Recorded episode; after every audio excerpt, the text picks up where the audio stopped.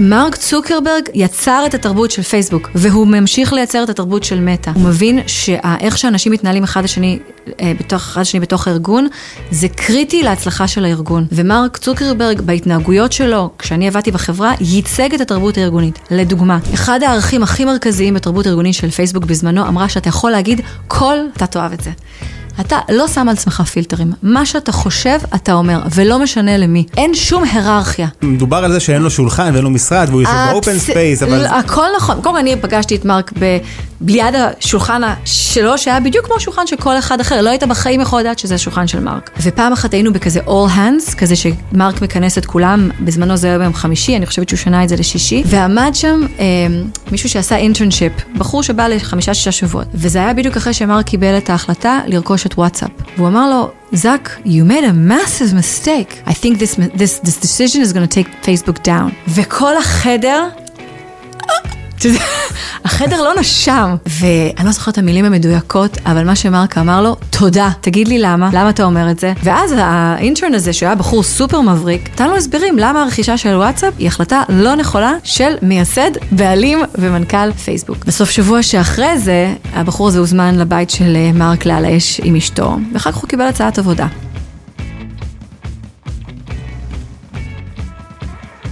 אהלן חברים, ברוכים הבאים לפרק נוסף של הפודקאסט איך הצלחת ואיתנו היום מיכל אושמן. מיכל, ברוכה הבאה. מיכל רבה. פה שנייה לפני שהיא בורחת ללונדון בחזרה, היא נמצאת על הקו כל הזמן. אה, תכף תבינו למה, מה היא עושה בחיים ולמה היא כאן ומה אה, מרגש אותה עכשיו בחיים, משהו חדש שהיא אה, משיקה בארץ בימים אלה ממש. אז מיכל, ברוכה הבאה. תודה רבה. ואולי כמה מילים עלייך. בטח, קודם כל תודה שאירחת אותי היום, ואני באמת בדרך לשדה, אבל אני לגמרי איתכם. כיף, כיף להיות בארץ, תקופה מעניינת לבקר, אבל אני מאלה, מהישראלים האלה שגרים בחו"ל, אבל חיים כזה חצי בארץ, גם מבחינת המוזיקה. כל ישראלי שגר בחו"ל מרגיש שהוא כזה חי בארץ, לא? לא כולם, לא כולם, אני לא עדיין קוראת את העיתונים של ישראל, וצורכת את המוזיקה של ישראל, וכל הילדים שלי יכולים לשיר את נועה קירל ועומר אדם שוטף, אז כן, אני בין לבין, אבל פיזית אנחנו גרים באנגליה. אוקיי, מה עושה בחיים? אז עכשיו אתה תופס אותי, אנחנו נפגשים באיזשהו יום כזה, לא יום, תקופת מעבר. עד ממש ממש לא מזמן עבדתי בטיקטוק, הייתי ראש תחום תרבות ארגונית של טיקטוק בעולם, גלובלית. אין לי מושג מה זה אומר, עוד מעט אני אשאל אותך מה זה הדבר. לא, לא, עוד מעט, עוד מעט, כי יושבת מאחורייך בדיוק אושיית טיק טוק ישראלית גדולה. את לא מודעת לזה שהיא אושייה, אבל היא באמת אושייה. אני לא אסתובב, אני כן אסתובב. כן. סליחה, עשיתי לה לייק של פייסבוק, של מטא. כן, אבל אתה יודע, כשאני אומרת שעבדתי בטיק טוק, יש לי גם טיק טוק שלי, and everyone's welcome to follow, אבל כמובן, כשאני אומרת שעבדתי בטיק טוק, הכוונה לחברה עצמה. כן, כן, כמובן, ברור. כן, כן, זה מקום מרתק. ולפני זה מה עשית? לפני זה הייתי כמעט שבע שנים בפייסבוק, לפני שהיא הייתה מטא. אחת החוויות התעסוקתיות הכי משמעותיות שהיו לי בחיים. הצטרפתי לפייסבוק ממש מעט זמן אחרי ההנפקה שלה, וזו הייתה פריחה שהרגשנו שאנחנו מחברים את העולם, תקופה מדהימה, גם באנגליה, ולפני זה עשיתי כל מיני דברים. ממש אישה של קורפרייט. גם, גם אישה של קורפרייט, כן, אני טובה בארגונים. אני חושב שכל פעם שקיבלתי הצעת עבודה בארגון גדול, ברחתי מזה, כי מפחיד אותי, הארגונים הגדולים מפחידים אותי. למה? לא יודע, לא, לא אוהב להיות חלק מארגון גדול, לא אוהב להיות בחלק ממשהו קטן, סטארט-אפים וכאלה, יותר היה האזורים שלי תמיד, עד שהקמתי את הפעילות שלי. ואז כתבת ספר. כן, אז תראה, אני בת 48, יש כל מיני דברים, ואני מנסה לחשוב איך לדייק את עצמי איתך היום, כדי שזה יהיה משמעותי לצופים והמאזינים שלנו. אבל הסיבה הרשמית שאני בעצם מבקרת עכשיו בארץ, זה כן שאני מוציאה ספר עם הוצאת ידיעות אחרונות, ספר שכבר גרסה שלו יצאה בחו"ל לפני כמה שנים והפכה לרב מכר. זה ספר מאוד אישי. מה, מה הופך ספר לרב מכר בחו"ל? כמה הוא מוכר? זאת אומרת, הוא היה, אז אחד מהאינדיקציות, Oh my gosh, I can't give you the numbers, אתה טוב. המספרים יותר גבוהים, אני חושבת, מהארץ, ברור שזה קשור לגודל, לדמוגרפיה. הספר נמכר מאוד טוב בארצות הברית, באנגליה, באוסטרליה ובכל מיני מקומות שאני לא מכירה והייתי צריכה להסתכל עליהם אה, בגוגל. כשכותבים ספר, זה מדהים, בגלל שאת לוקחת את הרעיונות שלך, או במה שאת מאמינה, או הכלים, לא משנה מה, ואז את משחררת, ויולדת את הספר הזה לעולם, ואז את אף פעם לא יודע מי יקרא את הספר. אז אני מקבלת תמונות וסיפורים מאנשים בכל מיני מצבים בחיים, בכל מיני אזורים בח... בעולם. מראים לי איך מחזיקים את הספר וקוראים אותו, ונוצרת מין קהילה כזאת, וזו תחושה מאוד מיוחדת. בעיקר שזה ספר מאוד אישי. לפעמים אנשים פוגשים אותי ואומרים, או, oh, חבל לשמוע שהיה לך את התקופה הקשה הזאת, ואני אומרת, איך, איך ידעתם על זה? כי כתבתי על זה. כי ברגע ששחררתי את הספר, כמעט לא זכרתי מה שם. כאילו מי שקורא את הספר יודע עלייך הכל ואת לא יודעת עליו כלום. נכון, זו חוויה מאוד מעניינת. אה, כתבתי בספר על איזושהי mm. תקופה במערכת יחסים שלי עם הבן זוג שלי, וזו הייתה כתיבה מאוד אישית, כמובן שקיבלתי אישור עליו. דרך אגב, אף פעם לא רציתי להיחשף. הסיבה שנחשפתי בספר, כי אני חושבת שאם אני רוצה שהקוראים שלי והקוראות שלי יתחברו אל עצמם, אל הנשמות שלהם, אל החיים שלהם עצמם, אני צריכה לקחת את הצעד הראשון וטיפה להיחשף ולספר יותר על עצמי. אז פתאום בגיל 45, בתור מישהי שלא עושה פוסטים ולא כותבת על עצמה, והילדים שלה אף פעם לא בסושיאל מדיה, פתאום אני סיפרתי את הסיפורים הכי אישיים, על המשפחה ועל הזוגיות, אבל אה, זה מביא הרבה משמעות והמון חיבורים. ואז... תכף אני אשאל אותך על ההשפעות של הספר הזה על הסביבה ואיך yeah. הגיבו האנשים, אבל לפני הכל אני פה לשאול אותך, איך הצלחת? מה, ספרי טיפה על, על הלפני שעזבת את ישראל, מה עשית בארץ, איך, mm. אמ, בואי בוא ניקח את זה מדברים אה, אמ, מש, משמעותיים שהיו okay. לך כן. בחיים. אז אני נורא אוהבת אה, ש, את השם של הפודקאסט שלך, כי אני מאוד מתעניינת במילה הצלחה. לפעמים היא עושה לי בחילה, ולפעמים היא הכי, ולפעמים היא הכי מושכת אותי. למה אני אומרת בחילה? זה נשמע קיצוני. כי המילה הצלחה לפעמים היא מלחיצה, נכון? היא כזה, מה זה הצלחה? אוקיי? ואני בטוחה שהיו לך אה, הרבה מוזמנים. הרבה מהתשובות של האנשים פה זה שהם לא הצליחו. כאילו, הרבה אנשים שבאים אומרים, אני עוד לא הצלחתי. כאילו, והוא יכול להיות מיליונר וסטארט-אפיסט ועשה נכון. שני אקזיטים, נכון. ובעיניו הוא עוד לא הצליח. אז אני מאוד מסוקרנת מהמילה הצלחה, ולכאורה, כל חיי הצלחתי.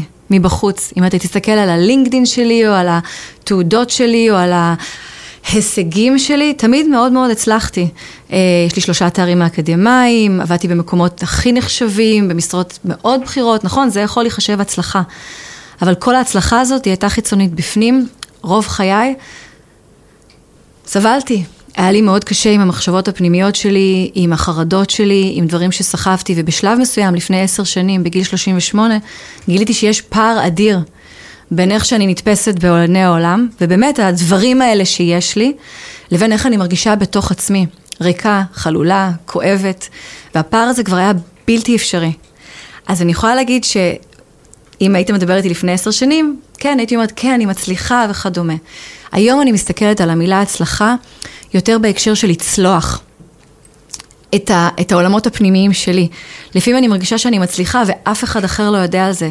כשאני מצליחה לתת לבן שלי ללכת לקייטנה ולא להתקשר עשר דקות, אה, ולא להתקשר כל עשר דקות לאחראים על הקייטנה. זאת הצלחה מבחינתי. שאני מצליחה להניח שהיום התחיל והוא גם מסתיים בטוב. זאת ההצלחות החדשות שלי, הן הרבה יותר פנימיות. זה לא הצלחה שהיא קצת ממקום uh, מצליח? כאילו, אחרי שכבר הצלחת בחיים ועשית לא. כסף והגעת למעמד ועשית הכל, אתה יכול להגיד, טוב, אני נהנה מההצלחות הקטנות. לא חרדתי, אתה, אתה בן אדם לא חרדתי. מה שתיארתי היה תיאור של אימא חרדה, חרדתית, שכשהיא מוציאה, נותנת לילדים לצאת בבוקר, היא, היא חושבת שהרע מכל הולך לקרות. והיא נסחפת למחשבות ובודקת כל הזמן בהודעות ומסתכלת באפליקציות. זה דבר שמדכא, זה דבר שמוריד, זה דבר שלא מאפשר לחיות חיים של שמחה ומשמעות. כשאני מצליחה להאמין שיהיה בסדר, שאני מצליחה להאמין ולהבין שאני לא יכולה לשלוט בכל העולם ושאני צריכה להניח שהכל יהיה טוב, זאת הצלחה חדשה, זו הצלחה שהיא של ה mind, של, ה, של ההוויה שלי, אז זאת ההצלחה. נעשה קצת ספוילר לסרט, לספר, כל החיים היית ככה? אה, חרדתית? כן. אני בגיל צעיר מאוד נחשפתי לדברים קשים. בבית, אמ, ואני מספרת על זה בספר, שוב, אתה מרגיש בטח בקול שלי, בשפת גוף, זה לא, זה לא פשוט לספר דברים שעברת בילדות, בעיקר כשאני באה ממשפחה ש... לא מדברים בה כל כך. I love my parents, והתעסקתי בדברים האלה הרבה שנים, אבל להיחשף זה לא פשוט. אבל אני אחזור למה שאמרת, כן, רוב חיי סבלתי מאוד מבפנים. אני יודעת שאני לא לבד. אה, יש סטטיסטיקה לא תאמ, שלא תיאמן, שדווקא ככל שהאיכות חיים שלנו עולה, ככל שאנשים מצליחים, כפי שאתה מתאר אותם, אנשים חרדים יותר. כמה שעולה איכות החיים, ככה עולה מפלס החרדה. נראה לי שזה קצת מעודד אבל, גם את האנשים שסובלים מחרדה אומרים, טוב, אפשר להגיע להישגים שהם רואים אותם כהצלחה, אפילו עם החרדה הזאת. נכון. יש היום הרבה טיפולים לחרדות, לא? החל מטיפולים אה, קונבנציונליים של כדורים וכאלה ו-CBT, עד למיליון שיטות אחרות. ועד לרוחניות יהודית. עד לרוחניות יהודית, שטוב, אני האחרון שצריך אה, לשכנע אותו בזה, אני מאמין גדול. אה, נכון. איך, יש... זה, איך זה השפיע עליך בחיים? איך זה השפיע עלייך כשהיית אה, ילדה בתיכון, כשהיית בצבא, לפני שעזבת את ישראל? אה, בתור ילדה, אף פעם לא ישנתי יותר משעתיים שלוש ברצף בלילה, קמתי כל הזמן לבדוק שההורים שלי נושמים. ויש כל מיני שיטות מתוחכמות. ממש זוכרת את זה, כאילו. כמובן, זה... היית מתעוררת. אחר כך הפכתי לבדוק את הילדים שלי שהם נושמים. אה, זה כל הזמן לדאוג. אה, אתה יודע, יש גם, כל אחד עובר את ה... יש לו את הסימפטומים וההתנהגויות שלו. יש אנשים שהם יותר חרדתיים ויש להם תופעות של OCD, שזה אומר לבדוק, סיימת לבשל משהו? דרך אגב, אני לא מבשלת, לא בגלל החרדה. סיימת לבשל משהו? את, את 50 פעם חוזרת לראות שסגרת את התנור, ואחר כך את יוצאת מהבית ואת חוזרת שוב. זה משהו שמעכב חיים, כי אתה כל הזמן חושש, אתה כל הזמן חרד, אתה כל הזמן לא סומך על עצמך. אז אני מגיל מאוד צעיר נחשפתי למוות, נחשפתי לגופות, נחשפתי לפיגועים, אמ, אני, אמ, אפשר להרחיב על זה, אפשר לא, אבל בעצם נחשפתי, הדבר, כשאני נולדת, בשנים הראשונות של חיי, בעצם מבחינתי מוות היה משהו יותר מיידי ויותר קרוב מהחיים עצמם. אה, עכשיו, היום כשאני טיפה בן אדם יותר רוחני, ואפשר גם להגיד יותר, אמ, I guess, מאמין, אפשר לדבר על זה אחר כך. אמ, אני לא יודעת למה אני הייתי חרדתית, אולי זה לא בגלל מה שראיתי, אולי זה בגלל משהו אחר, אולי זה משהו שאני מביאה איתי מחיים, who knows. שורה התחתונה, חיים של אנשים שסובלים מחרדה ודכדוך ודיכאון, זה חיים של קושי, של אתגר. ונכון, ניסיתי הרבה מהדברים שציינת, טיפולים פסיכולוגיים, 15 שנים, ארבעה מטפלים שונים, וגם קצת כדורים. אני רוב היום שלי מתנהלת באנגלית. מאוד מיוחד לי לדבר איתך עכשיו בעברית. אז כשאני מנסה לספר את הסיפור כיף, לא? הזה, לא? ברור, כשאני מנסה לספר את הסיפור הזה באנגלית, אני אומרת, ניסיתי את כל האיזמס, תאואיזם, בודהיזם, all the isms, I never considered Judaism. כשניסיתי לטפל בעצמי, לא בכלל חשבתי שליהדות יש משהו שקשור אליי. את יודעת שזה מאפיין המון ישראלים? משהו במערכת החינוך שלנו כנראה מאוד לא מוצלח בקטע הזה, כי התראיינתי אצל... אצל בחור שגם קוראים לו עידן, עידן וולר, ובפודקאסט אצלו דיברנו על יהדות, והוא ראה שאני מברך על המשהו ששתיתי, הוא אומר לי, כן, ראיתי שקודם אה, התפללת על, על הקפה. אמרתי לו, כן, בירכתי, לא התפללתי על הקפה, אז אמרתי לו, מה, אתה, כאילו, הבסיס, המונח הבסיסי של מה, מה מברכים על קפה, אנחנו לא יודעים, אבל אמרתי לו, תהיה אמיתי. כמה פעמים בדקת את אה, חוכמת המזרח, כמה פעמים בדקת את אה, חוכמות האחרים, אבל את היהדות אף אחד לא בודק, כי כולם יש להם בראש את המורה מתנ"ך עם הגיר באמצע התנ"ך מכיתה י"א, שהיא בעצמה לא הכי מחוברת למה שהיא אה, מלמדת, ו- וזה הזיכרון שיש לנו, וככה בעינינו נראית היהדות, ואנחנו כאילו תמיד באים אליה אחרי שניסינו את כל שאר הדברים, וזה מאוד עצוב. לפחות במקרה שלי זה נכון. בנוסף למה שאתה אומר, יש חוויה של להיות הישראלי, שיוצא את גבולות המדינה, ועושה חיים בחוץ לארץ. ואנחנו בהתחלה עברנו לחוץ לארץ, יאיר ואני, והיינו רק שנינו, וגרנו חיים אה, הכי אוניברסליים. לא, לא קשור לכלום, ברור שידעתי מתי ראש השנה, לאו דווקא זה הביע, יצר לי איזושהי משמעות. אבל דווקא כשהתחילו להיוולד לנו ילדים, והם הגיעו קרוב לגיל אה, בת מצווה בהתחלה, אז, או בר מצווה, אז יאיר אמר, רגע, מי הילדים האלה? מה, מה הם הולכים להיות? וזה היה מאוד מעניין, כי זה באמת שאלת הזהות. אה, אז אני חושבת שאנשים מגיעים למה שאתה אומר, כל אחד ממקום אחר, לפעמים ממקום של זהות, לפעמים ממקום של חיבור באמת נשמתי, לא משנה, זה אחד הדברים הנחמדים שלי בלהתבגר, שיש את המסע הזה של החיים ויש הזדמנות ללמוד מצאתם דברים. מצאתם תשובה לשאלה? מי הילדים? אני, וואו, איזה שאלה, אני, אני אשמח שתשאל את הילדים עצמם. אנחנו מנווטים את החיים של הילדים אה, בדרך מסוימת, אה, שיאיר ואני מאמינים בה, וכשהילדים יהפכו להיות בוגרים, אז אני, אני אעשה המון עבודה ואני אשחרר, ואז הם ימשיכו הלאה. אבל כרגע אנחנו חיים, אה, חיים קצת שונים מכפי ש... מאוד שונים האמת, מכפי שאני גדלתי בישראל בשנות ה-70. אז איך היה כילדה בתיכון בישראל? היה פשוט, רגיל, היה משהו מיוחד? לא, אני הייתי, uh, I did everything I could לעשות uh, הכי טוב שאפשר, הכי טוב בצופים והכי טוב בבית ספר. כאילו ילדת הרגשתי- קטלוג כזאת שמנסה להיות הכי טובה הכי בכל מה טובה, שהיא יכולה. ותמיד בפנים הרגשתי לא מחוברת ובודדה, אבל אה, זה- אני לא בטוחה שהיום יותר קל להיות בן אדם צעיר. אה, אני בטוח שהרבה יותר קשה. Yeah. ומה בצבא? דרך אגב, אני, אני חושב שזה קצת לא יפה להגיד שטיק טוק וזה זה, זה חלק מהבעיה, זה אולי גם יכול להיות חלק מהפתרון, אבל הם הרבה חלק מהבעיה. אם, אולי יהיה לנו זמן לדבר על זה אפשר אחר לדבר על כך, סושיאל מדיה, זה כן. נושא ש... שאת קצת מבינה בו. טיפה, אני לא ממחית בסושיאל מדיה, אבל אני בהחלט, אה, זה נושא חלק, חלק מחיי. ובצבא מה עשית? בח... בצבא הייתי מ"כית בבת 12, ואחר כך הייתי קצינת מבצעים, אה, והתאהבתי בצבא. בקיצור, אה, עברת את כל המסלול הישראלי. המצטיין למדתי וזה. בחיפה, ו- למדתי באוניברסיטת תל אביב, עשיתי את כל ה-ticking all the boxes. ובאיזשהו שלב את אומרת לעצמך, אני עוזבת משהו שכבר מצליח בישראל, מתפתח פה איזשהו path שהוא כאילו סבבה, ואני עוזבת. למה? נכון. למה לחתוך הכל ולעזוב אה, באמצע החיים? באיזה גיל זה? אה, זה לקראת סוף שנות ה-20 שלי, אז אני חושבת שכמה דברים קרו. קודם כל, אני גדלתי בתור ילדה גם בחו"ל. אה, כשאבא שלי עשה את הפרופסורה שלו, גדלנו, ב... נסענו במדינות שונות וחוויתי מה זה לחיות מחוץ לישראל. ואני חושבת שזו חוויה מעניינת. אה, לחיות מחוץ לארץ. אה, שוב, זהות, שפה, תרבות. אני חושבת שגדלים פה לפעמים, לפחות כשאני הייתי ילדה, זה כל מה שאתה מכיר, ולפעמים אנחנו חושבים שאנחנו מרכז העולם. ברור שאנחנו מרכז העולם, אבל אובייקטיבית יש עוד מקומות. אז יש משהו מאוד מעניין. פתאום אה, לעבור למקום, דרך אגב, שאף אחד לא יכול לבטא את השם שלך. מיכל זה שם מאוד מאוד בעייתי. כן. מאוד בעייתי, כי אי אפשר להגיד ח. אז כבר ראיתי כל הגרסאות. מה היית, מיקל? מיקל, מישל, מייקל, כל פעם שנהג אובר רואה אותי, הוא שמח מחדש שזה לא איזה מייקל. אז כשעברנו, ידעתי שמעבר כזה אומר ש, שינוי החוזה, נכון, עם עצמי, עם העולם. אבל התאהבתי ביאיר, בבן זוג שלי, והוא מאוד רצה אה, לנסוע לעשות תואר במנהל עסקים בחו"ל, ואמרנו, בוא נעשה את זה, בוא, בוא נלך על זה.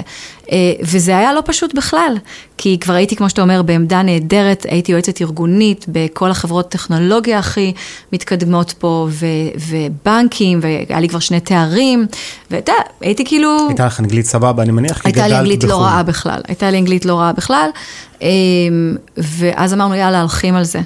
אמ, והלכנו על זה, וההתחלה, השנה הראשונה הייתה מזעזעת.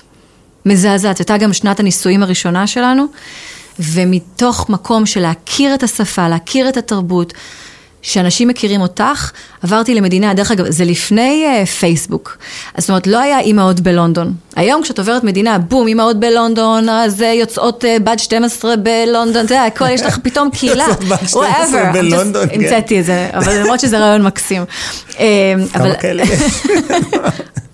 מאות, אלפים? אלפים, obviously. לא, אבל בלונדון, כמה? יש לי, האמת היא. גם, יש לי שתי חברות שהן יוצאות בת 12, אבל עזוב, אנחנו מדברים על דברים. לי איזה חברה שעכשיו עוברת ללונדון, אולי אחרי זה אני אחבר לך אותה. כמובן. עברה, השבוע, נראה לי השבוע, שבוע שעבר. בעלה ב-outbrain אני חושב, והיא בזה. אני אשמח. אנחנו ימי שישי אצלנו בערב, לרוב זה אנשים שאני לא מכירה. או שהיא עברה לברייטון, סליחה, לא ללונדון. אוקיי, ברייטון זה לא כזה רחוק, כן. ויש לי המון חברים בברייטון.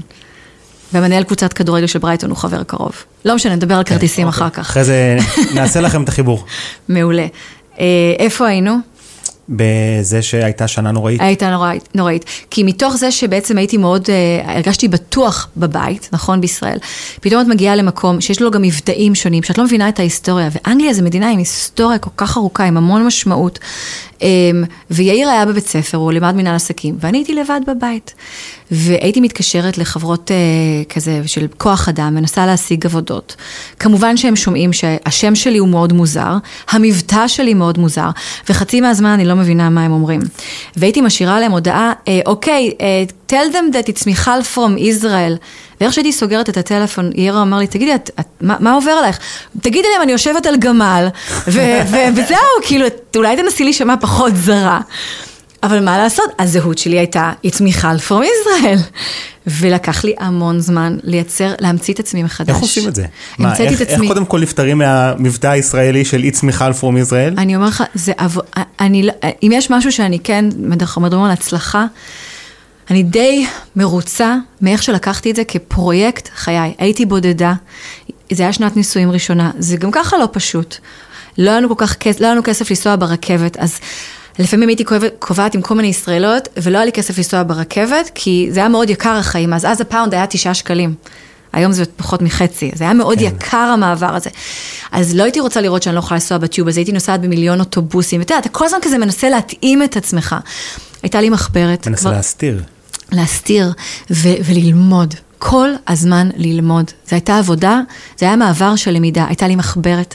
כל מילה שלא הבנתי, כתבתי. ישבתי בלילה, הקלטתי את עצמי, הקשבתי איך אני נשמעת, עמדתי מול המראה. שלחתי קורות חיים לאלפי מקומות, לא חזרו אליי. ופתאום הבנתי, מיכל, יש כאן בעיה, את לא הולכת להמשיך את המסלול שלך. ואז נפגשתי עם איזה מישהו שמאוד מאוד uh, אכזב אותי. speaking uh, of להיות mentoring לאנשים, שזה משהו שאני מאוד passionate עליו, כשעברתי ללונדון, מישהו הכיר לי מישהו שהוא מאוד בכיר ישראלי שמאוד הצליח בחו"ל. אז נפגשתי איתו לקפה, וסיפרתי לו על העבר שלי ועל ה-background שלי, והוא אמר לי, אני רוצה להיות כנה איתך, פה את לא תצליחי. מה שאת יכולה להיות זה מנהלת קבלה, עוזרת לדוקטור ב, או לפרופסור באוניברסיטה, אה, או בוא נודה, זה אימא. אני לא אשכח בחיים את הסיטואציה הזאת. גם נפגשנו בבית קפה והיה כיסא אחד יותר גבוה וכיסא אחד יותר נמוך, והוא בחר את הכיסא הגבוה. ממש זוכרת את אני אה, זוכרת את הכיסא, זה בית סיטואציית קפה. השגריר הטורקי. אבסולוטלי. ואני תמיד יודעת, כאילו, if you're senior, take the lower chair. כמה שיותר בכיר, תייצר יותר מקום לבן אדם השני. אז הרגשתי קטנה גם פיזית, וגם הרגשתי מיואשת. מה אני אעשה? עכשיו אני מצאתי את עצמי פה, ואני רוצה גם על לעבוד. בסיס מה הוא אמר לך את האמירה הזאת? את לא הולכת אה, להצליח. למה? מה? רוצה לשמוע את הקול הפמיניסטי שלי? מה, כי הוא היה שוביניסט, אה, מיזוגן, מה? אני לא יודעת? מה הוא היה, אבל זאת הייתה תפיסתו. שאישה לא יכולה להצליח. שישראלית, אישה, בתחילת שנות ה-30 או סוף ה-20, שעוברת ללונדון, צריכה אוטומטית לוותר על החלומות שלה. אבל אתה יודע מה עשיתי? אוקיי. באתי הביתה, קצת בכיתי, באתי הביתה, כי הוא בן אדם שהוא סימל לי את הזה שהצליח. בסוף נגלה שזה מילצ'ן. ובאתי הביתה וסיפרתי את זה ליאיר. ואז יאיר אמר, F, ואת השם של הבן אדם הזה. וזה נהיה ביטוי אצלנו בבית, F and that person's name. וזה נהיה ביטוי, מושג, שכשאנחנו מרגישים שמישהו לא, כשאנחנו נתקעים או מאבדים את הביטחון, F, לא, לא, לא, ברור שכן. והוא נתן לי מוטיבציה, אה, מלא מוטיבציה להמשיך, הוא לא, לא נתן לי לזה להוריד אותי, והמשכתי, והמצאתי את עצמי מה מחדש. זה המשכת? אז איך מתחילים? את תראה- יוצאת מהשיחה, את שבורה, ואת אומרת, טוב, אני רוצה הי- לעשות משהו, מה עושים? היו עוד שני רגעי שבירה. אה, הלכתי להתראיין במקום שעוזר למצוא לך מקום עבודה, ובזמנו היה לי שיער מאוד מטולטל, שזה השיער הטבעי שלי, אה, וג'ינג'י. אז באתי למראיינת ואמרתי לה, ניסיתי לקבל עבודה, והיא מאוד התרשמה מכל התארים שלי, ואז היא אמרה לי, באנגלית, I want to tell you that in this country, curly ginger hair, it's not well respected. שיער. מטולטל ג'ינג'י, ואני כאילו אומרת, מה, את מתכוונת לשיער היהודי שלי? זה, זה השיחה שיש לי מאחורי הגב. היא אומרת, אני, אני אומרת לך את זה, כאילו, תחשבי על, על, על הנראות שלך. אז באתי הביתה ואמרתי, אוקיי. אז אומרים לי שאני לא יכולה זה, ושהשיער שלי מטולטל מדי, והוא ג'ינג'י מדי. כאילו, בנימוס הבריטי להגיד כזה דבר, זה זה כאילו ממש מוזר, לא? תראה, היום כבר אי אפשר, היום חוקית אני יכולה ללכת לתלות, כאילו ברור, היום, כן, היום כן. אבל זה בכל אופן לפני 19 שנים, והיא אמרה לי, I'm doing, I'm doing you a favor. עזוב, היו לי אנשים שאמרו, אה, זה אף יהודי, רק שמענו עליו פעם ראשונה שאנחנו רואים את זה. אז תראה, יש גם, יש גם התמודדויות כשיוצאים מישראל ומנסים להצליח, פתאום היהדות שלך הופכת גם למשהו. הרבה מעבר למה שאת בכלל חשבת, שאת בח- יהודייה, כאילו. קודם כל, לא, לא, לא חשבתי שהטלטלים שלי כאלה משמעותיים, אבל הם כן. אז יש כל מיני למה, זה- דברים. זה סממן יהודי? טלטלים? Yeah, Jewish curls. באמת? Yeah. לא- אבל לא- מאז לא השתנו דברים. אבל ברוך השם, מאז השתנו דברים, בגלל שהעולם אה, כן מתקן את עצמו, בהקשר למה שאנשים יכולים להוציא מהפה שלהם, ואני מאוד אוהבת את השינוי בעולם. עכשיו אני מדברת אליך, עכשיו אני מחליפה את הכובע לעולם, מה שאני עושה בעולם הארגוני, כל התיקונים האלה שיש מבחינת הכללה וגיוון. היום מישהי בחיים לא תגיד לי דבר כזה. בחיים לא תעיר לי משהו השאלה על אם היא לא- החיצוניות אם שלי. היא לא תחשוב את זה ותפעל על פי מה שהיא- שהיא חושבת ורק תסתיר את זה, כאילו יכול להיות שבזה שהיא אמרה לך את זה, היא באמת עשתה לך טובה, שהיום אף אחד לא יוכל לעשות לך, כי אסור להגיד את זה. זה דיון אחר לחלוטין. היא חשבה שהיא עושה לי טובה. אה, אני לא מקבלת את זה כעשייה טובה, מבחינתי זו אמירה לא מקובלת. וכן, אתה צודק, יכול להיות שאנשים חושבים דברים על אנשים ולא אומרים אותם, יש דברים שעדיף שלא ייאמרו. למרות שזה יכול להיות מעכב אותם, כאילו, בואי נגיד שבתרבות. בתרבות באנגליה, נגיד ולא מקבלים ג'ינג'ים עם, עם, עם אה, זה, והיא אומרת לך את זה, ואם אם לא תגיד לך את זה, אף אחד לא יספר לך. זה גזע, זה מזעזע להגיד דבר כזה. נכון, אבל אולי ככה זה שם, הוא יכול להיות, לא, כאילו, זה לא, שזה... זה לא, זה לא וזה לא בסדר, אבל זה החלק מה... למה אני מספרת לך את האנקדוטות האלה? כי יש את הדברים האלה בדרך, נכון, זה לא כתוב, הסיפורים האלה לא כתובים בלינקדין של אנשים. בסוף מה אנשים רואים? את המשרות שאתה עובד, את הרמת בכירות שלך, את רמת ההשפעה, הם יכולים לדמיין איזה משכורות אתה מקבל, נכון? זה מס... אבל מה שאנשים הרבה פעמים לא רואים, זה את האנשים האלה שמורידים אותך וגורמים לך חוסר אמון. כשמישהי העירה לי על האף שלי, הדבר הראשון שעשיתי זה לכסות את האף. דבר ראשון שעשיתי היה לכסות את האף. מה זאת אומרת? זה, מה, מה, מה, יש בעיה עם האף שלי? ובאתי הביתה ואמרתי לי, אני רוצה ניתוח אף. אומר, תגיד, השתגעת? אמרתי לא, אני רוצה להשתלב. שברור שזה היה רגע של טירוף. אבל זה היה פעם ראשונה, בגיל 35, פתאום מישהו מעיר לי על היהדות שלי בצורה כל כך גזענית. כל כך וכל כך. מלחיד, וכל כך, וזה היה באחד הארגונים הכי הכי הכי בעולם.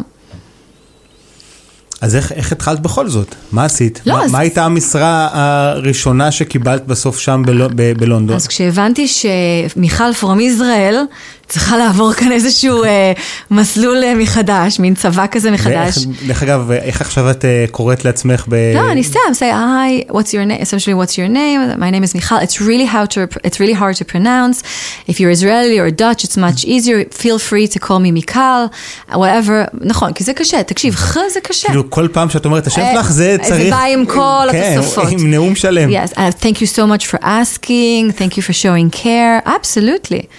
Um, אז um, העבודה הראשונה שלקחתי הייתה מאוד שונה מהעבודה שעזבתי בישראל. Uh, לקחתי עבודה של להיות פקידת קבלה בספא, שזה אומר שהייתי צריכה לצאת מהבית בחמש ורבע בבוקר, לנסוע באוטובוס חשוך ומפחיד מהשכונה שלי בלונדון לשכונה אחרת, קצת יותר נחשבת לכאורה, ולפתוח את הספא, ולתת מגבות, ולא הבנתי מה אנשים אומרים לי. כי מבטא בריטי מאוד חזק, זה מבטא שהוא מאוד שונה מהמבטא האמריקאי, ורבים מאיתנו גדלים פה, ראינו פרנדס, נכון, אנחנו לומדים אמריקאית אנגלית. סיינפלד. אבל- בדיוק, אבל בריטית היא מאוד שונה, וגם מבין כל הבריטים יש... אני לא יודעת אם יש עשרות, אבל יש רב, מבטאים רבים. אז לפעמים היו אומרים לי משהו שנגיד swap, ואני חשבתי swipe. מישהו רצה לתת לי כרטיס אשראי, לקחתי לו את המגבת. כאילו, ואת מב...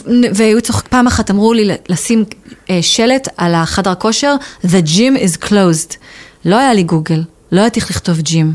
אז כתבתי ג'ים כמו, כמו ריבה, כמו ג'אם, וכולם צחקו עליי. אה, לא בפניי.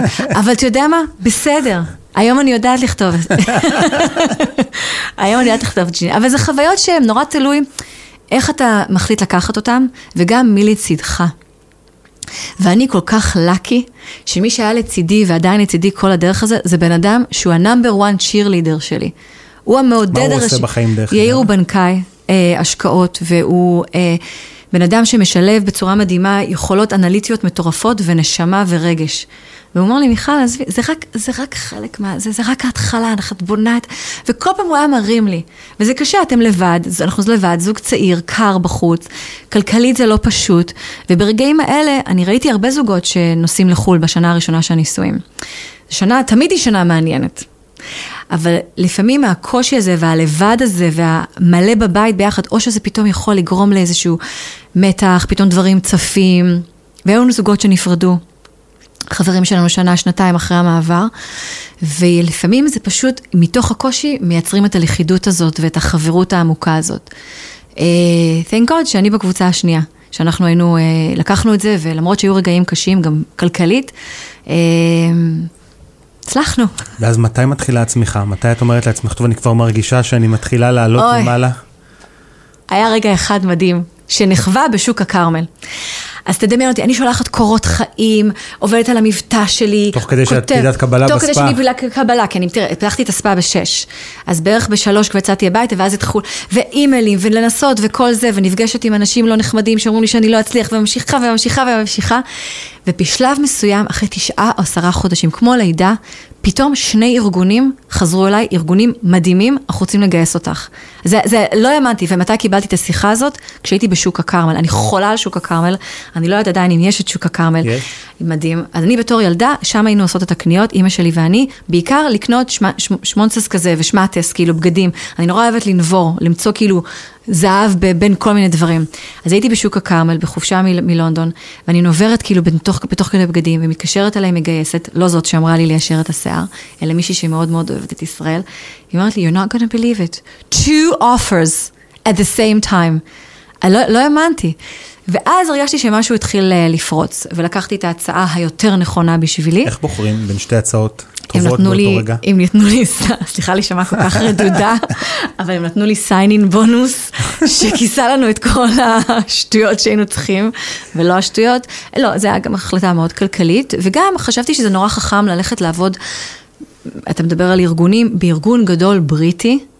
ולעבוד בתוכו, ובעצם ללמוד, זה ארגון מאוד מאוד מאוד בריטי, ובעצם ללמוד על התרבות הארגונית מבפנים. איך אני יכולה לייעץ למנהלים ולארגונים בריטיים אם אני לא חווה את זה מבפנים? הרי מה זה תרבות?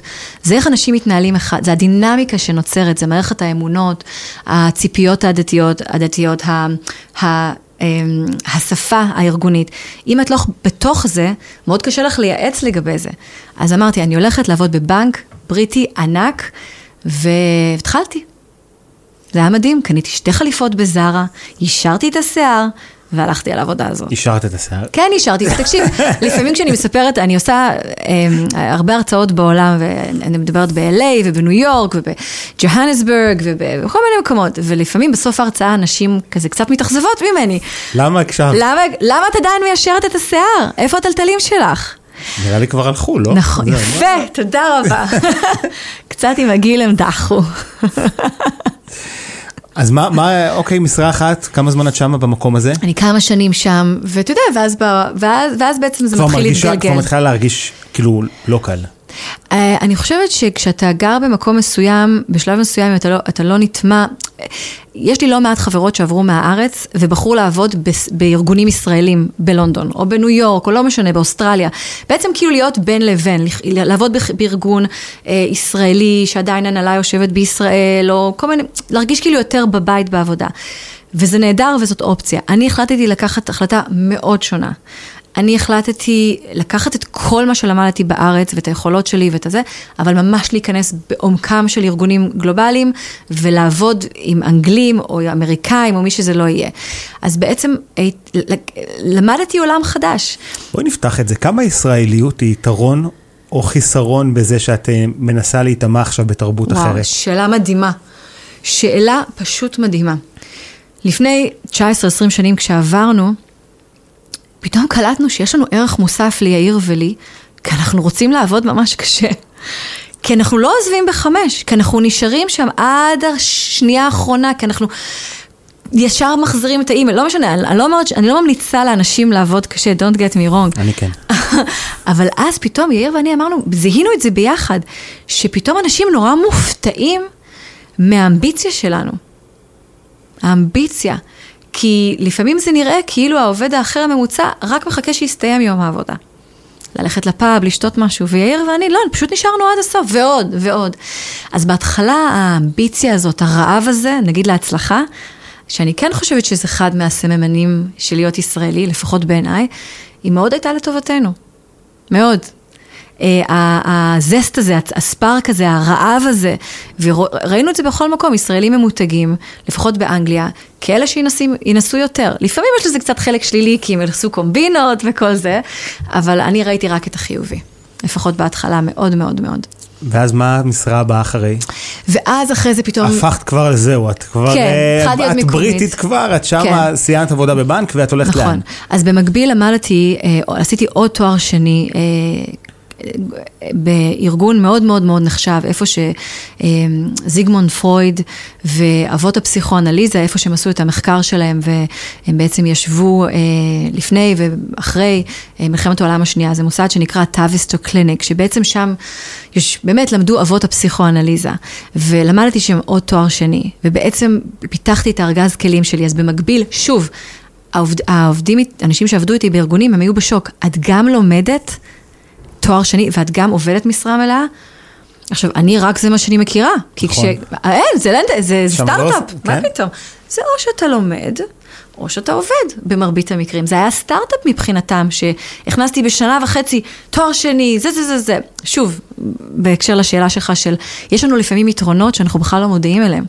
גישה. אני, אני הבנתי את זה, כשאני עבדתי בספרד, הייתי שם סמנכ"ל שיווק של איזה חברה. והבנתי, הייתי רואה כולם יוצאים בחמש מהמשרד ולא לא הבנתי, כאילו אמרתי לאנשים בואו נעשה פגישה בשש וחצי בערב, אז המנכ"ל מסתכל ואומר לי מה יש לך, אתה רוצה שכולם כאילו יעזבו פה? מה? ולא ירצו לדבר איתך כן. יותר.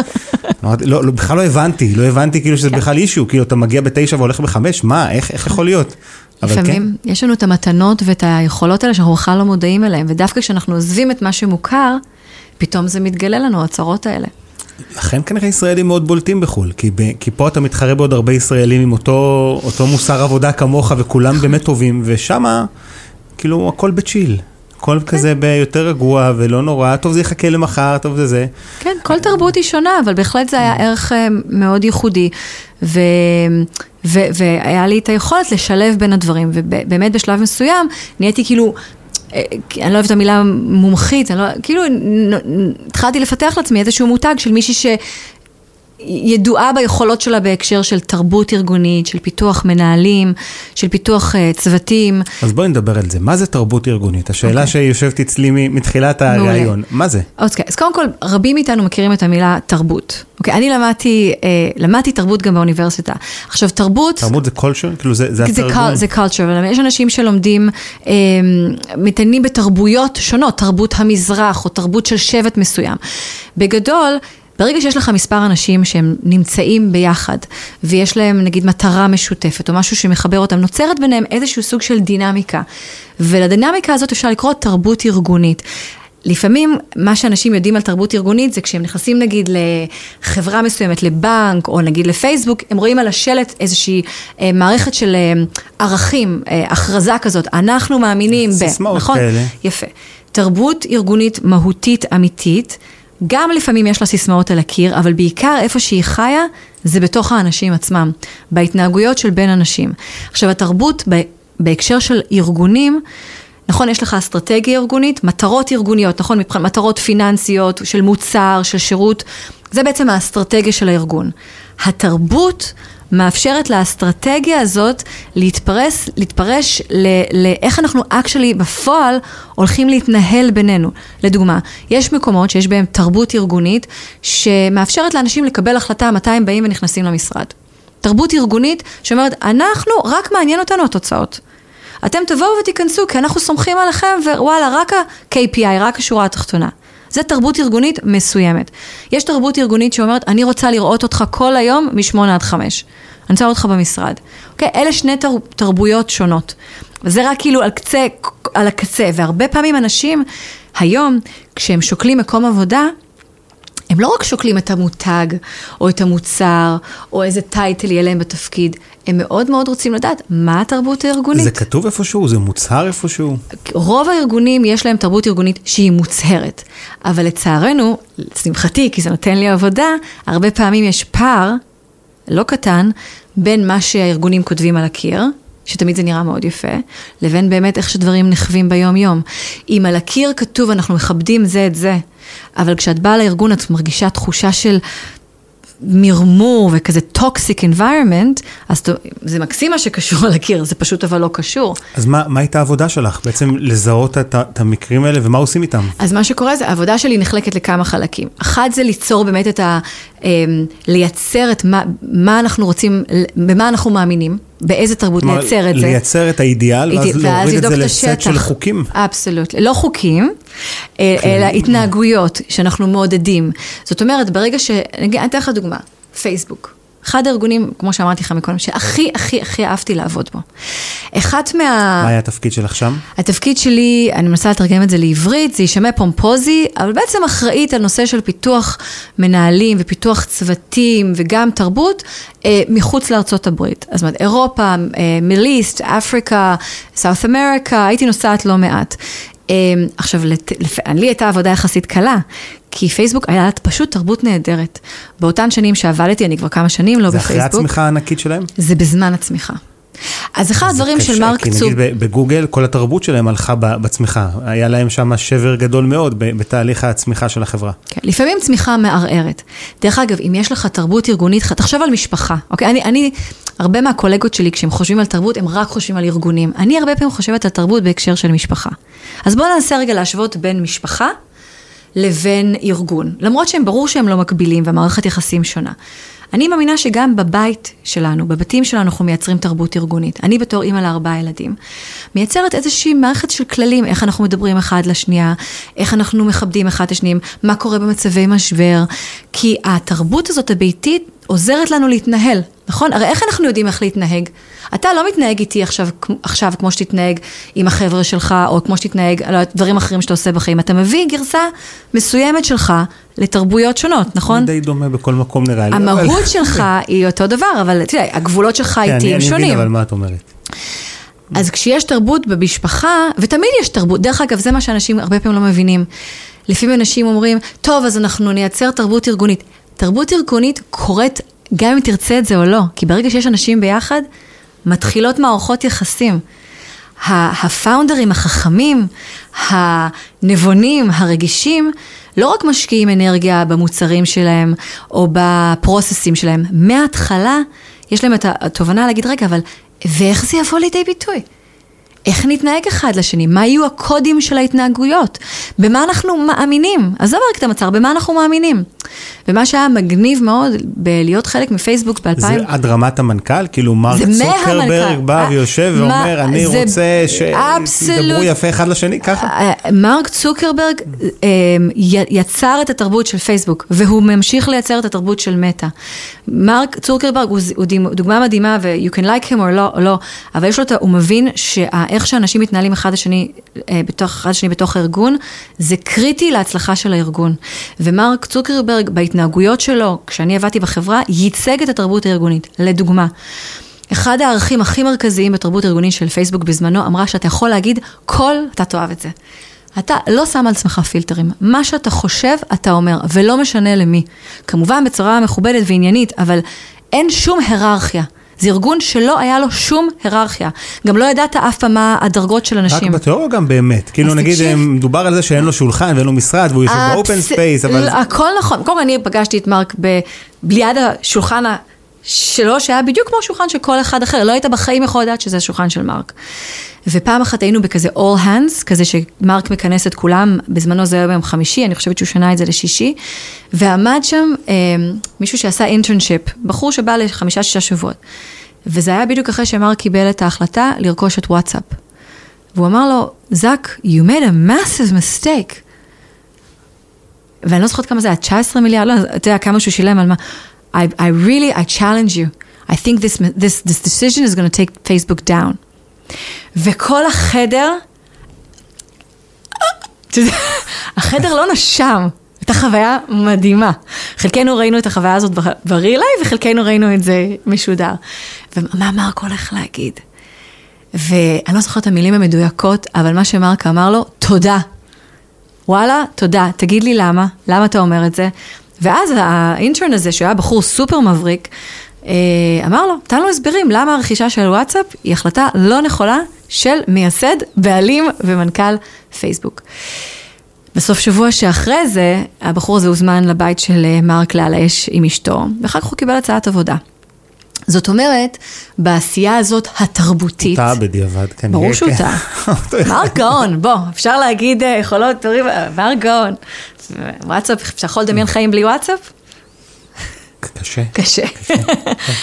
אז, אבל מה הסיפור? והסיפור הזה כמובן, ישר טה-טה-טה, כולנו בכל המערכות הפנימיות, אתה יודע, סיפר, מישהו עשה תמונה של הבחור הזה עם מרק וכל זה, זה עבר בין כולנו, עשרות... אלפים. עשו עליו מימס כאלה? הכל, לא, הכל, זה היה קצת לפני המימס, אבל זה היה אדיר.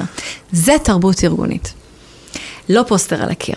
כשה, כשהמייסד של המנכ"ל מתנהג ומתנהל לפי הערך הארגוני של הכל יכול להמר, צריך להגיד הכל. אז למה זה שונה בין אמריקה לבין שאר המדינות? למה כאילו יש מישהי שאחראית על זה בתוך אה, אמריקה ומישהי שאחראית על זה מחוץ לאמריקה? כי זו שאלה מצוינת, תראה, לא היו הרבה מאיתנו בצוות, בגלל זה הייתה לי גיאוגרפיה מאוד גדולה. בגלל שתרבות ארגונית כמו תרבות ביתית, היא צריכה מישהו ש-nourish it, שיתזכר לאנשים, שיביא את זה. אז נכון שהיו אירועים כאלה ייחודיים, שמרק אמר משהו נורא מגניב אה, בהקשר התרבות הארגונית, או שרל סנדברג, אבל בסופו של דבר, כמעט כל רגע בעבודה זה רגע של תרבות ארגונית, איך שמנהל מדבר לעובד שלו. אוקיי? איך שמנהלת נותנת פידבק, הכל זה תרבות ארגונית.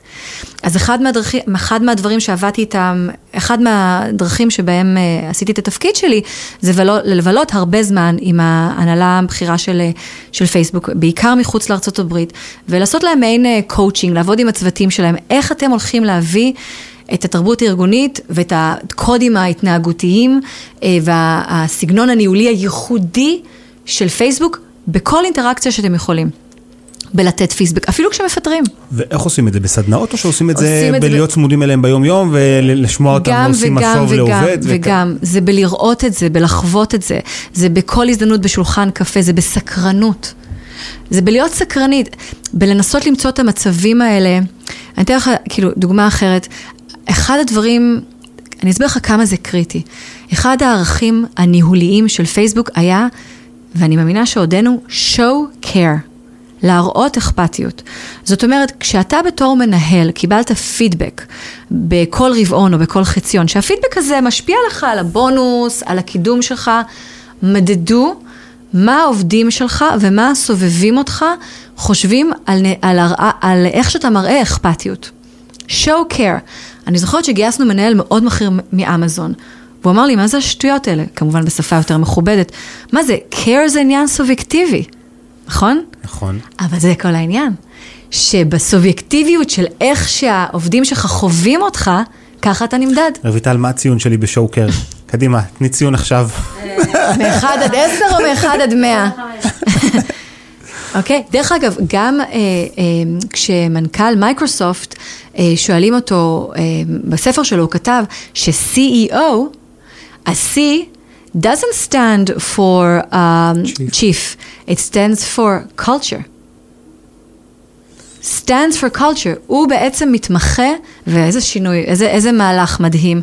זה בן אדם שאתה מרגיש את הקר שלו כשאתה פוגש אותו, או שאתה צופה בו. אז מה שקרה, מה שקרה בפייסבוק זה שארגון שאמר למנהלים, אנחנו מודדים אתכם. לגבי רמת האכפתיות. דרך אגב, אכפתיות לא אומר להכין לי קפה עם שלוש שכבות של קצפת. אכפתיות אומר להיות שם בשבילי, לתת לי פידבק, לעזור לי להבין את המדדים והיעדים שלי, אה, להיות שם בשבילי כשאני טועה, אה, להיות כן איתי, זה care, זה לא אומר just to be kind ולעשות כל מה שאני מבקשת. care זה להיות שם בצורה משמעותית בשביל מישהו אחר, וגם לרצות להבין את הבן אדם שעומד מולך. והמנהל המיתולוגי שלי בפייסבוק, שאני מתגעגעת אליו עד היום, בפעם הראשונה שהגעתי ליום הראשון של העבודה, אחרי שהיה קשה לקבל את המשרה הזאת, עידן, קשה לי להסביר לך. היו 900, אני יכול לתאר לעצמי. היו 900, אני לא אשכח את הרגע הזה, ישבתי מול לינקדין, וראיתי שיש 900 מועמדים. ואמרתי, תגידי, מי את חושבת שאת, שאת תשלחי את ה-CV שלך ויש עוד לפחות 900 אנשים לפנייך בתור? אבל אז אמרתי, כאילו, למה לא? ואולי אני בדיוק מי שהם צריכים, אולי אני סוגרת להם את, אתה יודע, זה כאילו רגעים כאלה של החלטה. שלחתי את הקורות חיים, למחרת בשמונה בבוקר הם התקשרו אליי, ואז התקבלתי, אבל הרגשתי מאוד תחושה של, אני חייבת להיות מצוינת. ואז ביום הראשון, הבוס שלי אה, טס מדבלין לפגוש אותי בלונדון, אני נכנסת למשרדים של פייסבוק שהם Amazing, והוא כזה, אני כזה מתוקתקת כולי, והוא כזה סתם יושב כזה עם חולצה של אונאבו. אתה מכיר את הפייסבוק אה, ב- בישראל, התחילה עם רכישה של חברה ישראלית. אונאבו? כן, והם נורא התלהבו, אה, הבוס שלי מאוד התלהב מהחולצה הזאת, כי הוא ביקר בתל אביב לפני. אבל הוא לא הבין שום, הוא רק היה פעם אחת בתל אביב, או שהוא עמד היה לנסוע לתל אביב, הוא מאוד התלהב. ואז הוא אמר לי, דבר ראשון שהוא פגע, אני כבר ישבתי כזה עם ה... אתה יודע, מוכנה כזה לקחת את ההוראות של הבוס הגדול, וידעתי כמה הוא בכיר, ואז כזה ישבתי כזה בציפייה וכל זה, הוא לא ישב על כיסא מעליי, הוא ישב על כיסא מאוזן. ואז הוא אמר לי... איפה יש בכלל כיסאות בגבהים שונים? מה זה המקומות yeah, המוזרים האלה? מי שיחפש להיות בגובה יותר גבוה ימצא כנראה את הקונסטלציה. ואז דבר ראשון שהוא שאל אותי, מיכל, what do you care about? אחרי שהוא בירר איך להגיד את השם שלי. והייתי בשוק, עידן. הוא שאל אותי, כאילו הביג בוס הזה של פייסבוק, שואל אותי ביום הראשון שלי בעבודה, what do you care about? וממש נעלמתי. ואתה יודע, לפעמים כשמראים לנו דווקא אהבה וחום, פתאום אנחנו הכי לא מוכנים לזה, אז פתאום השפריץ לי, I care about being a mom, an Israeli and a Jew. ובאותה שנייה התעלפתי. אמרתי, תגידי, מיכל, לא, לא, לא, את לא, את לא, את לא, את לא אמיתית. בא הבוס שלך האירי לנסות לעזור לך ביום הראשון שלך בעבודה, והדבר הראשון שאת רוצה לציין בפניו, זה שלושת הדברים שבעיניו בטח הכי מוזרים, כאילו, שאת אימא, מה את מספרת שאת אימא? מה, מה את מקדמת את זה שאת אימא? הוא יחשוב שאת לא תשקיעי מספיק ואת לא תישארי את השעות הנוספות. מה, מה זה הישראליות הזאת? מה זה קשור? והיהודייה? עכשיו, הסיבה שאמרתי לו את זה, זה בדיוק כשהתחלתי לשמור שבת. והייתי נורא במתח. מה יהיה, מה יהיה עם השבת הזאת? למה? כי אני צריכה ביום שישי לסיים מוקדם. וביום, אה, בפייסבוק אבל עובדים. זה לא משהו שמסכמים אותו כאילו מראש? אני לא סיפרתי את זה מראש, כי זה היה מאוד חדש בשבילי. ולא, לא, הרגשתי שחלק מתהליך הקבלה לא צריך להיות שאני מדליקה נרו שבת, וש-25 שעות ביום. דרך אגב, אז גם שמרתי שבת כזה, 6 שעות. כי זה היה בהתחלה. איכשהו זה. נכון, ונורא נלחצתי. והוא אמר לי, I don't know what Shabbat, I, I don't know, I, I don't know many Jewish people, and I definitely don't know what it means. So what does it mean to you, for you to be Jewish? ואני מתחילה להזיע מכל כיוון. אני אומרת, מיכל, איך, איך הגעת? ביום הראשון שלך בשיחה הראשונה? ביום הראשון שלך בשיחה, ואתה יודע, בפייס, בכלל, באנגליה יש דבר כזה שנקרא period כזה של תנאי, אתה כזה, כשאתה מתקבל לעבודה, אתה מת, מתקבל בעצם לעבודה על תנאי. יש שישה חודשים של תנאי. אז אמרתי, ככה את מתחילה את תקופת התנאי שלך, ו... אין לך תשובה בכלל? אמרתי לו, מה זה אומר להיות כן, יהודייה בשבילך? כן, אמרתי לו שזה מורכב, ואמרתי לו, I discovered my Judaism quite recently. It's actually, a, I was born Jewish, but I didn't, it didn't mean much to me until recently, and now I'm going to tell you something really strange. אני הולכת להגיד לך משהו נורא מוזר. Part of being Jewish, for me, means, מצטערת שאני צוחקת, כי אני פשוט זוכרת איך שכל הסיטואציה. It means that every Friday, but it's not at the same time every Friday, 19 minutes before it becomes dark, 19 דקות לפני שזה נהיה ממש חושך, I do something that my ancestors do, שהאימהות, הסבתא שלי והסבתא והסבתא שלי, וזה להדליק נרות ולעשות ברכה. וזה בעצם פותח איזשהו חלל של יום שלם, שאני לא, שאני לא עושה כלום, ואני בטוח לא עובדת. והייתה דממה. לשנייה, לי זה הרגיש כמו נצח, אני חושבת שבפועל זו הייתה דממה של פסיק וחצי. ואז הוא אמר, how wonderful. So every single Friday, אז כל יום שישי, אני מבקש ממך לסגור את הטלפון שלך ואת הלפטופ שלך שעתיים לפני ה-19 דקות האלה. ואת פשוט תדאגי שזה יסתדר עם העבודה שלך, אותי זה לא מעניין. אני מבקש שתקפידי שעתיים לפני ה-19 דקות האלה, לסגור את כל הטכנולוגיה. ואני מניח שהצלחת לעשות את העבודה שלך גם ככה. ומאז, בחמש שנים המדהימות שהוא היה מנהל שלי, שעתיים לפני שסגרתי את הלפטופ שלי ואת הטלפון שלי, הוא שלח לי הודעה, שבת שלום. כל שבוע. כל שבוע. למה עזבת? ולנמסיס הגדול, מה? קודם כל, הוא עזב, למרות שאחריו גם הייתה לי, אחד הדברים שמדהימים בארגונים טובים, שאתה לא תלוי במנהל אחד נהדר, שאתה יודע שכל מנהל שיהיה לך יהיה נהדר. יש ארגונים... והם מצליחים את זה? כן. כן? צריך כן. ללמוד את תהליך הגיוס זה הזה. זה דבר נהדר. תקשיב, עידן, זה... הערך שלי על עצמי אה, השתפר בתקופה שלי שעבדתי בפייסבוק, כי, כי, כי אתה יודע, זהות, נכון? דיברנו על זהות. הוא היה אומר לי, תצומי בכיף, כאילו באנגלית, הוא לא מבין, בסדר? אבל הוא היה לוקח ומתרגם כל מיני דברים. ודרך אגב, הרמך הציפיות שלי הייתה גבוהה מטירוף, אל תחשוב שלא דלברתי תוצאות מטורפות. אני בטוח שזה היה בסיס אבל לדברים. שני הדברים האלה הולכים ביחד, אפשר? למה עזבת? אז עזבתי כי הייתי שם כמעט שבע שנים. ואנחנו גם קצרים בזמן, נכון. כי את תכף עולה למטוס, ועוד לא הגענו לספר. אוקיי, אז... אוקיי, אוקיי. אז עזבתי כי הייתי שם כמעט שבע שנים, ובשלב מסוים הרגשתי שקל לי מדי. אני לא אוהבת שקל לי. סליחה, השם, סליחה, אני אוהבת שקל לי בדברים מסוימים. בבקשה, אני לא רוצה ניסיונות, אבל uh, בעבודה אני אוהבת שמאתגר לי, שאני יוצאת מאזור הנוחות, הנוחות שלי, שאני, משהו מרגיש, uh, אתה יודע, פתאום כזה, שאני צריכה להתאמץ, שאני צריכה ללמוד, שאני צריכה להשתדל. ובשלב מסוים פייסבוק נהיה כמו בית, שזה מדהים, אבל uh, לא התפתחתי, והמשכתי להצליח, אבל לא בסטנדרטים שרציתי. וטיק טוק דפקו על הדלת שלי כבר שנה, והזמינו אותי uh, להצטרף לטיק טוק, ומאוד מאוד מאוד התלבטתי, זה היה בתקופת קורונה. Uh, אה, ובשלב מסוים אמרתי... הם אה, גם בלונדון יושבים? כן. כן, יש להם משרדים בכל, בכל העולם, אבל גם בלונדון משרדים מאוד יפים ומאוד גדולים. ונכון, טיק טוק אה, הרגיש כמו כמעט לבגוד בפייסבוק. מה זה, זה הנמסיס באמת, לא בצחוק. כן. ומה ועשיתי את זה. מה חיפשת שם? מאוד הסתקרנתי אה, לגבי טיק טוק, אה, בגלל שאם נשים בצד את הדינמיקות שאתה לא, לא טועה לגביהן, זה נכון, זה מתחרה מאוד גדול של חברה שאת מאוד מזוהה איתה, זה מאוד לא נוח, ובגלל זה התלבטתי המון המון המון זמן. קלטתי שהבני נוער שלי, בעיקר הבת שלי, על טיק טוק. מאוד הסתקרנתי לראות שפתאום יש איזו אפליקציה שבתי הבכורה מאוד מתעניינת בה, וזאת ילדה מאוד שקולה ומאוד נבונה, וראיתי שהיא צורכת משם, אה, צורכת שני סוגי content מאוד מסוימים. היא אה, מסתכלת הרבה על בישול ועל דימוי עצמי אה, גופני חיובי. וראיתי שיש שם משהו, ראיתי שיש שם איזה קליק, ומאוד הסתקרנתי לגבי זה. וגם מאוד הסתקרנתי לעבוד עם ארגון שהוא אה, מאוד מושפע מהתרבות הסינית, כי רוב הקריירה שלי עבדתי עם ארגונים אה, corporate America, מאוד ארגונים אמריקאים, אי-ביי, פייסבוק, עבדתי קצת עם אה, דנון, עם חברה אה, שהיא צרפתית במקור, אבל אמרתי, וואלה, סין, לא מכירה. ו- ואני וזה- בן אדם של וזה באמת תרבות. תרבות סינית? כאילו, התרבות הניהולית שם, התרבות הארגונית, תראה, זה... אני, אני בהתחלה כשראיינו אותי, אה, ראיינו אותי אנשים שהתקשרו מבייג'ין, משנגחאי, היה להם מתורגמנים. אה, הרבה מהם לא דיברו, לא דיברו אנגלית. והיה רגע מאוד מאוד מיוחד של המנהל המגייס שלי בטיקטוק, שבהתחלה הרגשתי נורא ריחוק, וגם היה בעיה של שפה, היה קורונה, היה, אה, אני יודעת שהוא ביחסין, אתה יודע, בהתחלה כשהתראיינתי הרגשתי, לא הצלחתי להתקרב אליו. ואז בשלב מסוים הוא אמר לי, אה, מה, מה מעניין אותך בחיים, כאילו, מה את קוראת? אה, חברת ByteDance, חברת האם של טיקטוק, מאוד מעודדת לקרוא ספרים, מאוד ל...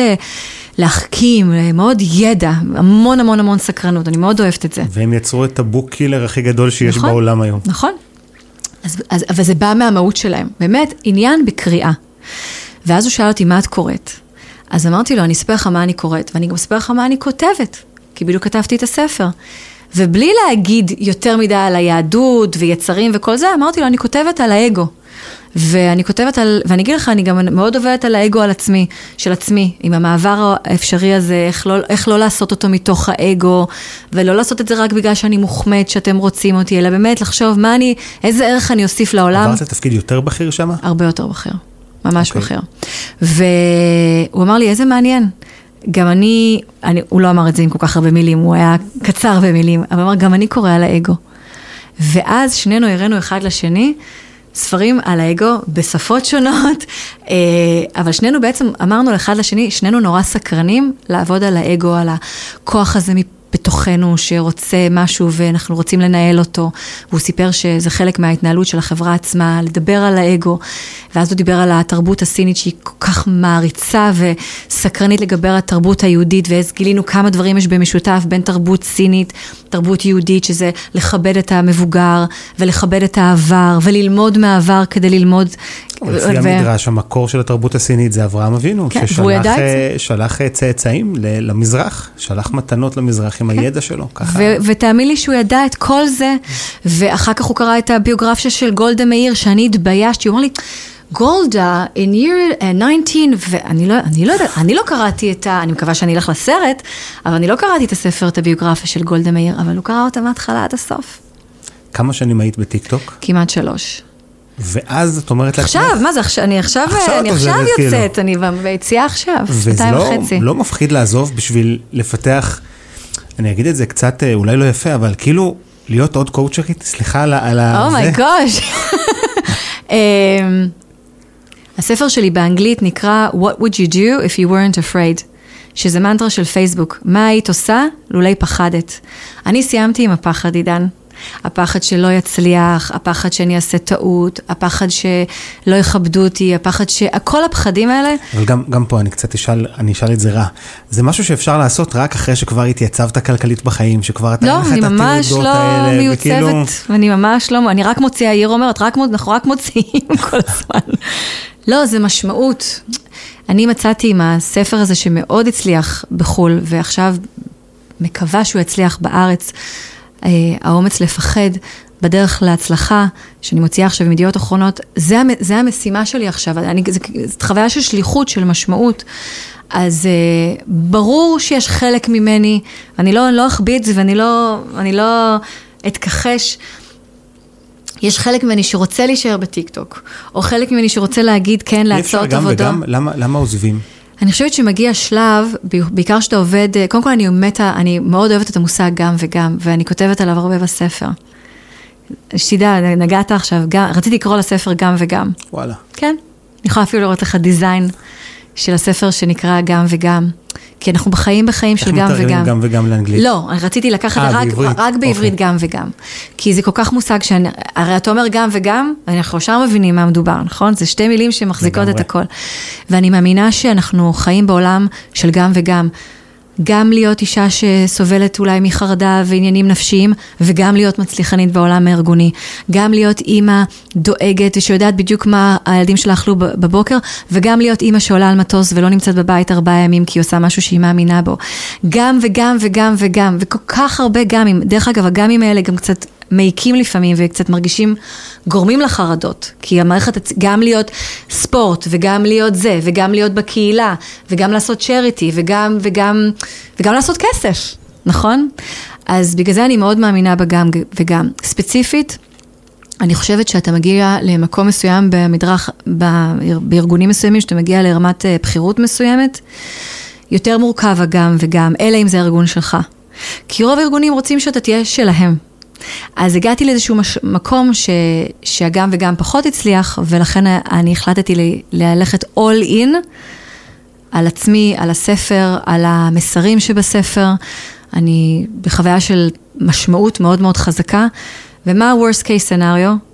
יהיו ארגונים שיקחו אותי בחזרה. אז חבר'ה שמקשיבים היום מחברות אחרות, גוגל וזה, אל, אל תמחקו אותי מה database שלכם, בסדר? כאילו, תשאירו אותי שם לבינתיים. יש לי לקוח, חבר, שהוא היה, אם אני זוכר נכון, הוא זה שהיה סמנכ"ל שיווק של ג'ימל בעולם. הוא השיק את ג'ימל ב- ב- בכל העולם, חוץ מארצות הברית. והוא אה, עזב את גוגל, וכשהוא עזב את גוגל, מסתבר שאצלם בתרבות, אתה, אם אתה מקבל אפס בדירוג, אתה לא יכול לחזור לגוגל. אוקיי. והוא כאילו אמר, אמר לבוסית שלו, תני לי אפס, כי מישהו אחר יקבל את האחד או שתיים, כאילו, ולא את האפס, ואני בכל מקרה עוזב. ואמרתי לו, לא פחדת שאתה לא הולך לחזור? Mm. הוא אומר לי, לא, זה כלוב של זהב, ועזבתי שם בשביל לא לחזור, כן. וקנה אותו טדי שגיא ב-150 מיליון דולר לפני... אז קודם כל תן לטדי את אה, המספר. שלי. I'm kidding. אה, זה אחלה סיפור. כן?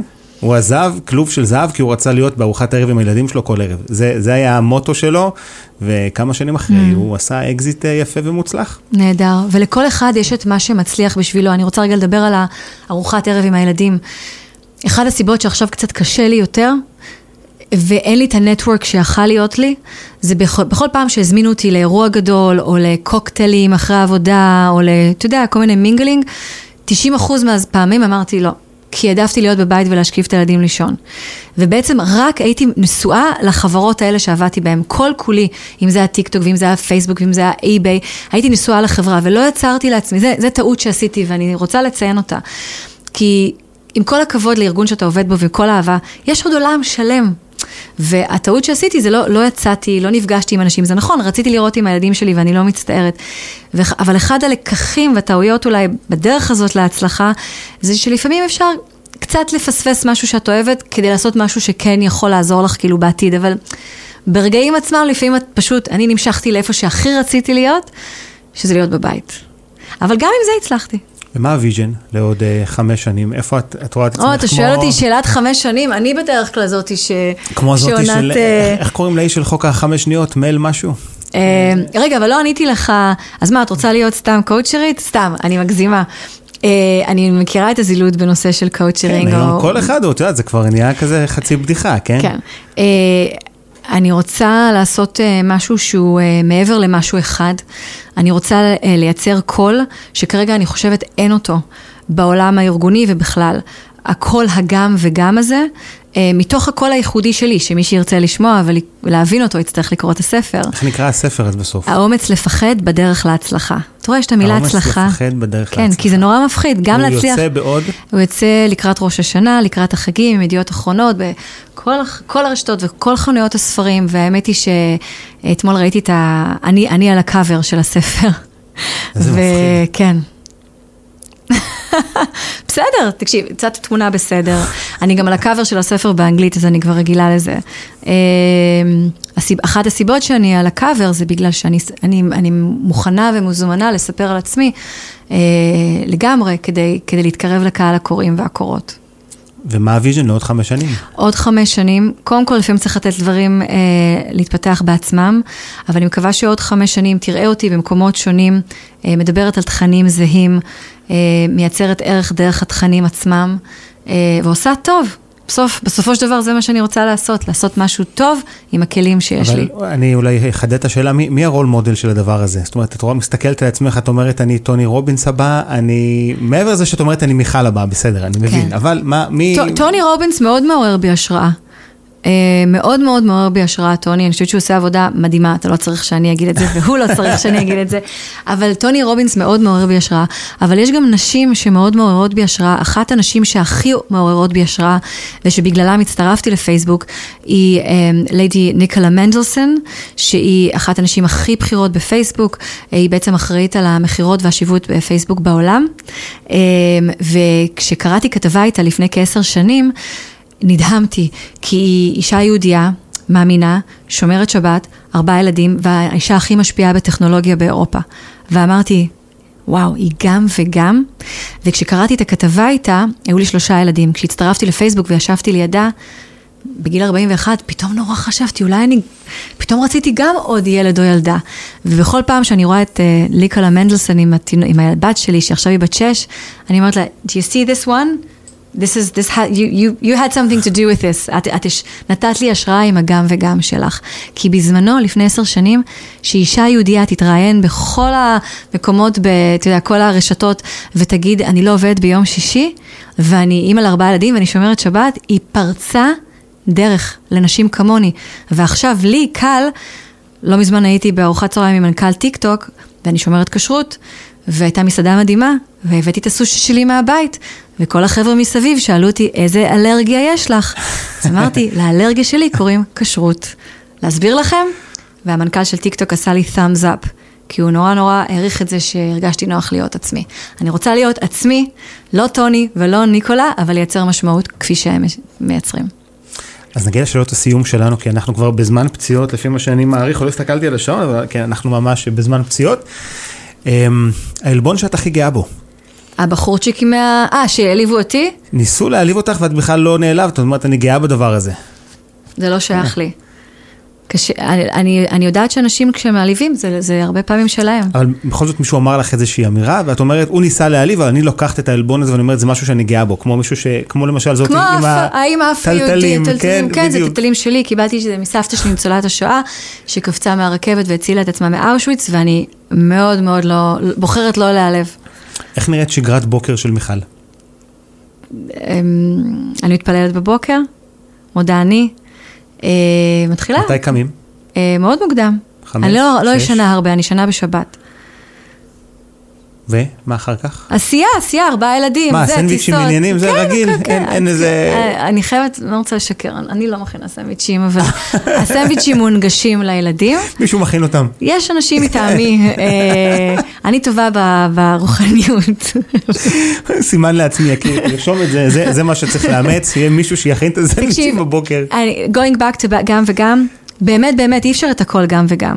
ולפעמים יש אה, אנשים כמוני שמעדיפות לעבוד בנושא מסוים קצת יותר, כדי לפנות זמן אחר, משהו אחר, ואני, I'll be honest, אני עוד לא, לא למדתי עדיין איך לבשל, וזה בגיל 50, עוד שנתיים, אמרתי ליאיר שאני רוצה צריך, את צריכה להיות סבתא שמבשלת, זה כבר אני מה? לא צריכה להיות סבתא שמבשלת. אה, צריך, זה משהו שהנכד רוצה, בסוף ללכת לסבתא הנכדים שבסדר. שלי אה, יהיו ילדים של ילדים שלא בישלו להם, אז זה- פשוט לא לא בהיסטוריה המשפחתית. אני נראה לי שזה, לא יודע, בואי נדבר על זה עוד... תקנה לי אה, קורס בישול, כאילו, עוד נדבר על זה שנתיים. בפרק הבא בעוד אה, חמש שנים, ונראה כבר, אחרי שכבר תהיי super famous וכל הבמות בעולם, וזה, תגידי, למדתי לבשל אחרי הפרק באיך הצלחת. אה, שיש לך שלט באיילון, חינם, לא עולה כלום, מה כתוב עליו?